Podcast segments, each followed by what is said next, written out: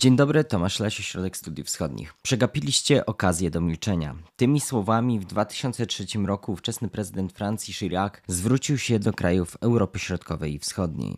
Za to dzisiejszy prezydent Francji Macron ostatnio powiedział: To my straciliśmy okazję do wysłuchania Was. Ten czas się skończył. To tylko jedno zdanie z bardzo ważnego przemówienia, które wygłosił francuski przywódca na forum Globsek w Bratysławie. W tym podcaście podsumujemy to, co powiedział francuski prezydent, a mówił dużo, między innymi o swojej wizji bezpieczeństwa w Europie. Czy Macron przyznał się do błędu w podejściu do Rosji? Jak Francja widzi przyszłość Europy i czy Ukraina może zostać członkiem NATO? O tym wszystkim będę dzisiaj rozmawiał z Łukaszem Maślanką, analitykiem OSW. Dzień dobry.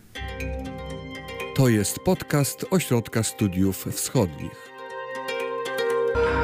Chciałem Cię zapytać na początku, czy można to, co powiedział Macron, interpretować jako pewnego rodzaju gest wobec Europy Środkowej, Europy Wschodniej, wobec tego regionu? E, tak, z całą pewnością jest to gest, jest to także część polityki, ponieważ e, takie wielkie programowe przemówienia są bardzo ważnym elementem działalności politycznej Macrona i czasami zastępują wręcz tę politykę. E, kilka miesięcy temu mieliśmy takie programowe przemówienie skierowane do państw afrykańskich, w których Macron również może nawet nie tyle przepraszał, co przyznawał, że Francja popełniła wiele błędów w polityce afrykańskiej, nie tylko w czasach kolonizacji, ale także w latach późniejszych. I można stwierdzić, że to przemówienie wygłoszone na konferencji Globsek w Bratysławie jest e, swego rodzaju powtórzeniem tego zabiegu, to znaczy zwróceniem się do regionu, który w polityce francuskiej do tej pory nie odgrywał ważnej roli. Na, na kierunku wschodnim przez całe lata najważniejszym państwem dla e, Francji, e, zarówno pod względem geopolitycznym, strategicznym, jak i gospodarczym, była Rosja. To jest przyznanie się do błędu? Ja myślę, że to jest e, wypowiedzenie pewnej formuły uprzejmościowej, które e, państwa tego regionu oczekiwały, elity, które czasami bardziej w Polsce, właśnie w takich państwach jak Czechy, Słowacja są nastawione przyjaźnie do Francji. W związku z tym to było na pewno oczekiwane i Macron nie miał jakiegoś wielkiego problemu e, z wypowiedzeniem tych słów, nawiązując do słynnych słów Chiraca sprzed 20 lat, co nie zmienia faktu, że Francja, władze Francji, sam Macron podtrzymują swoją ocenę mm, tamtych wydarzeń. Uważają nadal, że wojna w Iraku była błędem i chyba nawet e, w naszym regionie, także w Polsce, to przeświadczenie jest coraz, coraz większe. Także już nawet nie chodzi tutaj o sedno rzeczy, tylko bardziej o naprawienie pewnych błędów wizerunkowych, które Francja dopuszczała się w stosunku do państw naszego regionu w przeszłości. To skoro jesteśmy przy regionie Europy Środkowej, to sprawdźmy, jak na te przemówienie Macrona zareagował region. A zapytaliśmy o to Andrzeja Sadeckiego, kierownika zespołu Europy Środkowej w OSW. Przemówienie na forum Globseku faktycznie zostało odebrane bardzo dobrze, bo on, on nieco zmienił, oczywiście ta zmiana zachodziła już wcześniej, ale zmienił nieco swoje, swoje podejście i tutaj um, szczególnie dobrze została odebrana jego wypowiedź odwołująca się w taki symboliczny sposób do słów Jacques'a Chiraca z 2003 roku w okolicznościach wojny w Iraku, kiedy Jacques Chirac wówczas oczywiście powiedział, że region stracił okazję, żeby siedzieć cicho. Do tego Macron się odwołał e, i powiedział, że to my nieraz e, traciliśmy okazję, żeby słuchać re regionu, więc jakby odwrócił tą perspektywę. No i jego wypowiedzi dotyczące konieczności wsparcia dla Ukrainy, jego wypowiedzi dotyczące y, Rosji zostały bardzo dobrze odebrane. Y, oczywiście w regionie są duże wątpliwości, na ile za tymi słowami faktycznie pójdą działania Francji, zmiana czy ewolucja stanowiska francuskiego. No więc y, podstawowe chyba pytanie, które jest zadawane w regionie, dotyczy tego, czy faktycznie Francja w większym stopniu będzie zaangażowana w Europie Środkowej, w większym stopniu zaangażowana we wsparcie na wschodniej flance. Natomiast y, na pewno to y, przemówienie na Globseku odbiło się szerokim echem i wzbudziło spore nadzieje w regionie. To był Andrzej Sadecki, kierownik zespołu Europy Środkowej, a teraz już wracamy do rozmowy z Łukaszem Maślanką. Łukaszu, dlaczego Macron zdecydował się na tego rodzaju gest wobec Europy Środkowej? Ze względu na to, że y, najważniejszą kwestią dla Macrona jest budowa e, suwerennej Europy, która jest pewnego rodzaju geostrategiczną jednością. Francja przez długi czas miała wątpliwości co do tego, czy rozszerzanie Unii Europejskiej jest właściwą drogą. E, w końcu zaakceptowała zarówno duże rozszerzenie 2004 roku.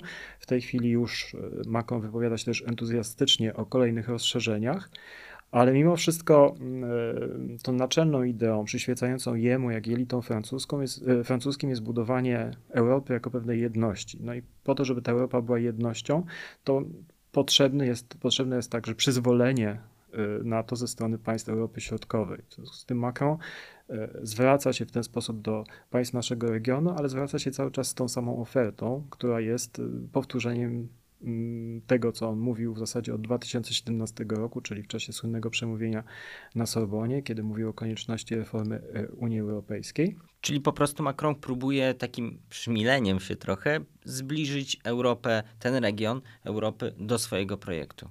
Ja myślę, że z jego punktu widzenia to bardziej wygląda jako oferta pewnego rodzaju kompromisu. Francja porzuca swój poprzedni sprzeciw wobec rozszerzenia Unii Europejskiej. Macron o tym zresztą wyraźnie mówił w Bratysławie, że Europa, Unia Europejska dzieli się na tych, którzy chcą poszerzenia i tych, którzy chcą pogłębienia i potrzebny jest kompromis między, między, między tymi grupami. Więc on oferuje kompromis w sprawie rozszerzenia. Francja już nie jest e, tak sceptyczna, jak była poprzednio, a wojna rosyjsko-ukraińska jest tym czynnikiem, który sprawił, że e, Macron i, i, i jego współpracownicy zmienili zdanie i potrzebny jest teraz krok ze strony państw Europy Środkowej, które niedawno wyraziły swoje stanowisko, sprzeciwiając się y, propozycji niemieckiej, y, skupiającej także kilka innych bardzo ważnych państw Unii Europejskiej, reform instytucjonalnych w Unii Europejskiej, y, między innymi likwidacji zasady jednomyślności w sprawach polityki zagranicznej i bezpieczeństwa. Więc można potraktować przemówienie Macrona z jednej strony jako krok do przodu w kierunku naszym, ale teraz jest oczekiwanie, że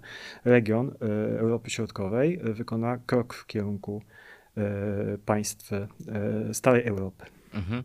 E, a ten aspekt Rosji, tak jak mówiłem, Macron jeszcze kilka miesięcy temu mówił o tym, żeby Rosji nie upokorzyć.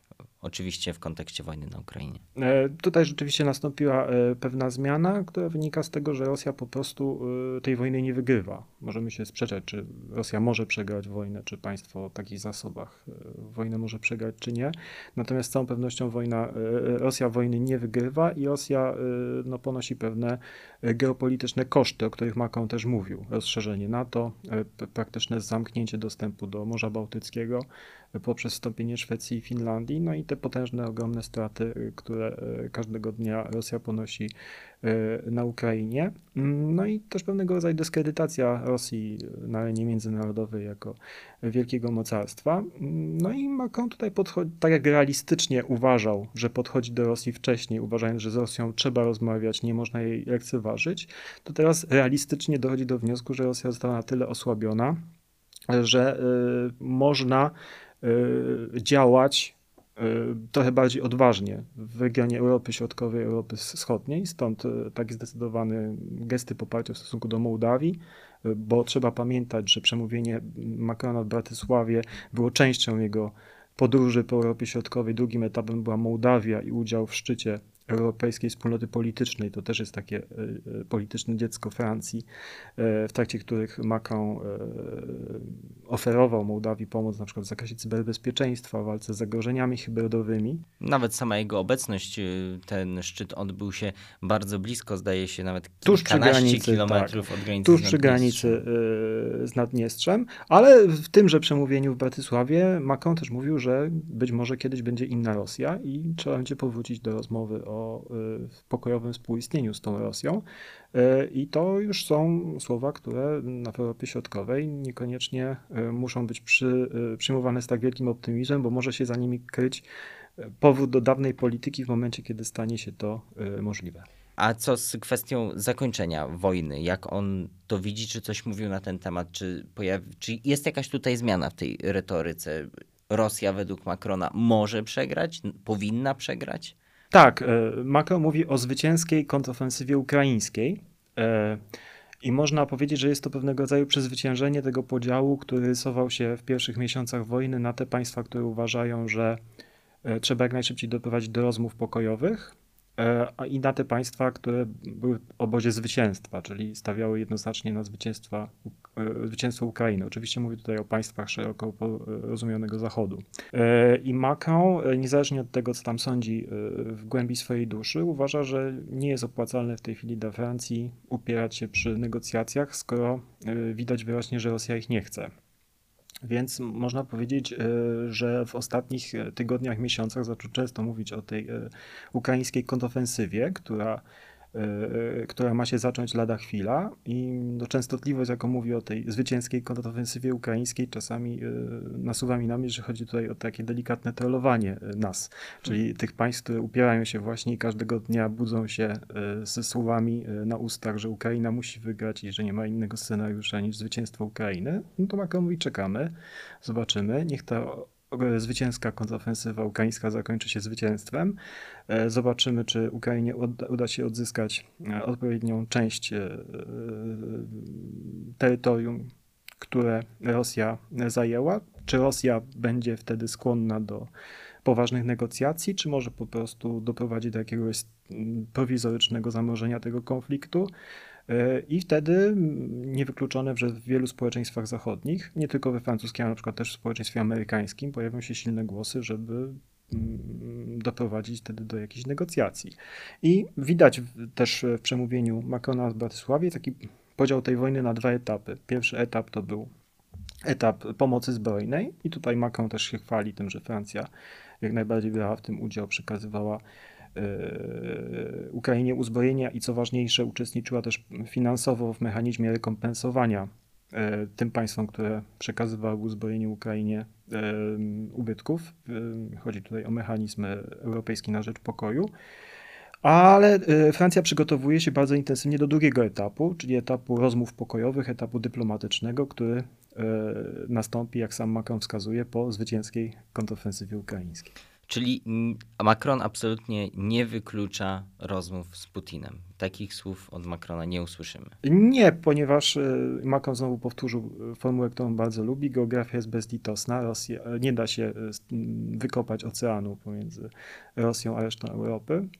I w związku z tym te relacje będą musiały opierać się na pewnej formule dy dyplomatycznej i należy mieć nadzieję, że pojawi się w przyszłości taka Rosja, która może nie będzie demokratyczna, może nawet nie będzie praworządna, ale będzie uważała za korzystne dla siebie to, żeby nie mieć otwartego, otwartego konfliktu z Europą. Na ile realistyczne są te rachuby, e, to, e, to w tej chwili to trudno ocenić, no ale z drugiej strony też żadnego e, wiarygodnego, żadnej wiarygodnej alternatywy z punktu widzenia francuskiego nie ma, ponieważ my wyobrażamy sobie te, te alternatywy jako budowę swego rodzaju nowego muru berlińskiego, czyli no, takiego zbrojnego pokoju między Rosją a Unią Europejską czy NATO, której po obu stronach są uzbrojone po zęby dywizje. No ale Francja wychodzi z założenia, że, że jej nie stać na taki scenariusz. To znaczy, jeżeli ona miałaby w tym partycypować, to, to raczej nie, bo inne priorytety mają jej siły zbrojne, inne priorytety ma francuska polityka obronna. W związku z tym, mówiąc za siebie, Francja uważa ten scenariusz takiego zbrojnego pokoju, w którym jest pewna równowaga strachu za mało realistyczny i też przestrzega Francja swoich sojuszników, między innymi po, Polskę, Słowację, Czechy, państwa bałtyckie, że w, niekoniecznie w Stanach Zjednoczonych musi panować klimat e, przyjazny właśnie takiemu scenariuszowi długotrwałego pokoju opartego na równowadze strachu. No właśnie, to pociągnę ten wątek, bo Macron dosyć wprost mówi, yy, parafrazuje, że ta administracja, która jest w USA, nie jest wieczna i być może przyjdzie potem inna, która będzie miała trochę inną wizję i inne priorytety, i dlatego my, jako Europa, powinniśmy się cały czas konsolidować i współpracując z Amerykanami, nie zapominać o współpracy wewnątrzeuropejskiej w dziedzinie bezpieczeństwa i obronności. To jest stały temat naszego dialogu między ekspertami e, polskimi e, z państw bałtyckich, a ekspertami francuskimi. Przypomina trochę e, wiersz Wisławy Szymborskiej na wieży Babel, to znaczy obydwie strony ze sobą rozmawiają, rozmawiają bardzo uprzejmie i miło, ale jednak w innych językach niekoniecznie rozumieją, co się do nich mówi. To znaczy rzeczywiście partnerzy francuscy mówią za każdym razem, że klimat, Stanach Zjednoczonych, klimat polityczny w stosunku do Europy Stanach Zjednoczonych może zmienić się po kolejnych wyborach, na co eksperci polscy zwracają uwagę, że prezydentura Trumpa z punktu widzenia Warszawy wygląda zupełnie inaczej niż z punktu widzenia Berlina czy Paryża. To znaczy, jeżeli spojrzeć na liczbę wojsk amerykańskich, które wtedy pojawiały się, to raczej na flance wschodniej przybywało ich, a nie ubywało. W związku z tym e, z jednej strony była retoryka Trumpa, z drugiej strony była tam praca jego administracji, która szła e, w trochę innym kierunku. Wydaje mi się, że też Francuzi ryzykują trochę, tak często mówiąc, o niestabilności polityki amerykańskiej, gdyż nie wiadomo, jak będzie wyglądała polityka francuska po kolejnych wyborach e, prezydenckich. To jest, e, może nie jest takie istotne z punktu widzenia dialogu z Polską i z państwami Europy Środkowej, ale na pewno istotne z punktu widzenia francuskiego dialogu z Niemcami, bo e, w stosunku do Niemiec Francuzi bardzo lubią rysować takie alternatywy, że, żeby Niemcy może trochę mniej zwracali uwagę na NATO, a trochę bardziej na współpracę obronną z Francją, nawet e, takie aluzje w kierunku europeizacji francuskiej broni nuklearnej delikatne są wysuwane przez Francję, a, ale jednak e, no nie budzi to jakiegoś specjalnego zachwytu w Niemczech ze względu na to, że są pewne wątpliwości co do tego, czy po 2027 roku e, we Francji będzie prezydent zainteresowany tak ścisłymi związkami z innymi państwami europejskimi. Ale o śmierci klinicznej NATO już nie ma mowy, jak rozumiem. Tutaj jest, Macron jest e, ofiarą swojego własnego mema, bo trzeba przypomnieć, w jakim kontekście Macron mówił o śmierci klinicznej NATO. On mówił o tym w kontekście konfliktu z Turcją. E, administracja Trumpa dość nagle wycofała w 2019 roku wojska e, z północnej Syrii, prowokując wprowadzenie tam wojsk tureckich. To oczywiście Francji bardzo się nie spodobało, ponieważ Francja utrzymuje dość ścisłe relacje z Kurdami. E, i Macron w ogóle nie, podobne, podobnie jak wszystkie inne państwa europejskie, nie został uprzedzony o tej decyzji administracji Trumpa, w związku z tym ona się wpisuje właśnie, te, te, te słowa o śmierci mózgowej NATO wpisują się właśnie o brak, e, w ten, w ten klimat braku konsultacji e, z sojusznikami europejskimi, który był właściwy dla administracji Trumpa. Natomiast jeżeli chodzi o gwarancje wynikające z artykułu 5, Tutaj nigdy ich kwestionowania ze strony Francji takiego poważnego nie było. W tym słynnym wywiadzie dla The Economist Macron mówił o tym, że gdyby miał dzisiaj odpowiedzieć na pytanie, czy, czy, czy gwarancje artykułu 5 nadal obowiązują, to powiedziałby, że nie wiem, ale to nie miało mm, mieć takiego znaczenia, że Francja nie wywiąże się ze swojej gwarancji, tylko raczej wątpliwości są w stosunku do tego, czy Ameryka się e, z nich wywiąże. E, trzeba pamiętać o tym, że e, retoryka francuska sprawach mm, polityki międzynarodowej, w stosunku do NATO jest cały czas zakładnikiem retoryki golistowskiej generała de Gaulle'a. Ona miała takie swoje swoiste idiosynkrazje, to znaczy z jednej strony akcentowanie odrębności w stosunku do Stanów Zjednoczonych, prowadzenie ryzykownego dialogu z państwami autorytarnymi, e, wtedy ze Związkiem Radzieckim, obecnie z Chinami i z Rosją, e, ale z drugiej strony no, generał de Gaulle był bardzo wierny temu swojemu aksjomatowi, żeby e, nigdy nie kompromitować gwarancji sojuszniczych, bo to się może odwrócić także przeciwko samej Francji. I na przykład w czasie kryzysu kubańskiego czy kryzysu berlińskiego on bardzo mocno stał wtedy po stronie, Stanów, po stronie Stanów Zjednoczonych i po stronie całej wspólnoty zachodniej, gdyż wiedział, że kwestia dotyczy także bezpieczeństwa Francji. W tej chwili Macron e, nie kwestionuje w żaden sposób e, potrzeby istnienia NATO, mówi nawet o europejskiej obronności jako europejskim filarze NATO. E, obszar, wokół którego toczy się spór w tej chwili między Francją a Stanami Zjednoczonymi, częścią europejskich sojuszników, jest stosunek NATO do rywalizacji na Indo-Pacyfiku. Macron jest tutaj zdecydowanym zwolennikiem tego, żeby nie wykraczać poza E, obszar wyznaczony traktatem waszyngtońskim, czyli obejmujący Europę, Morze Śródziemne e, i fragmenty tam e, północnej Afryki, jest zdecydowanym przeciwnikiem obecności NATO na Indo-Pacyfiku, gdyż ogranicza to pole działania wspólnej europejskiej dyplomacji, ogranicza to pole działania Francji E, no i mamy teraz najnowszy spór wokół tej e, przedstawicielstwa NATO w Tokio. Francja jest właśnie temu przeciwna w duchu e, tej swojej argumentacji. Mhm.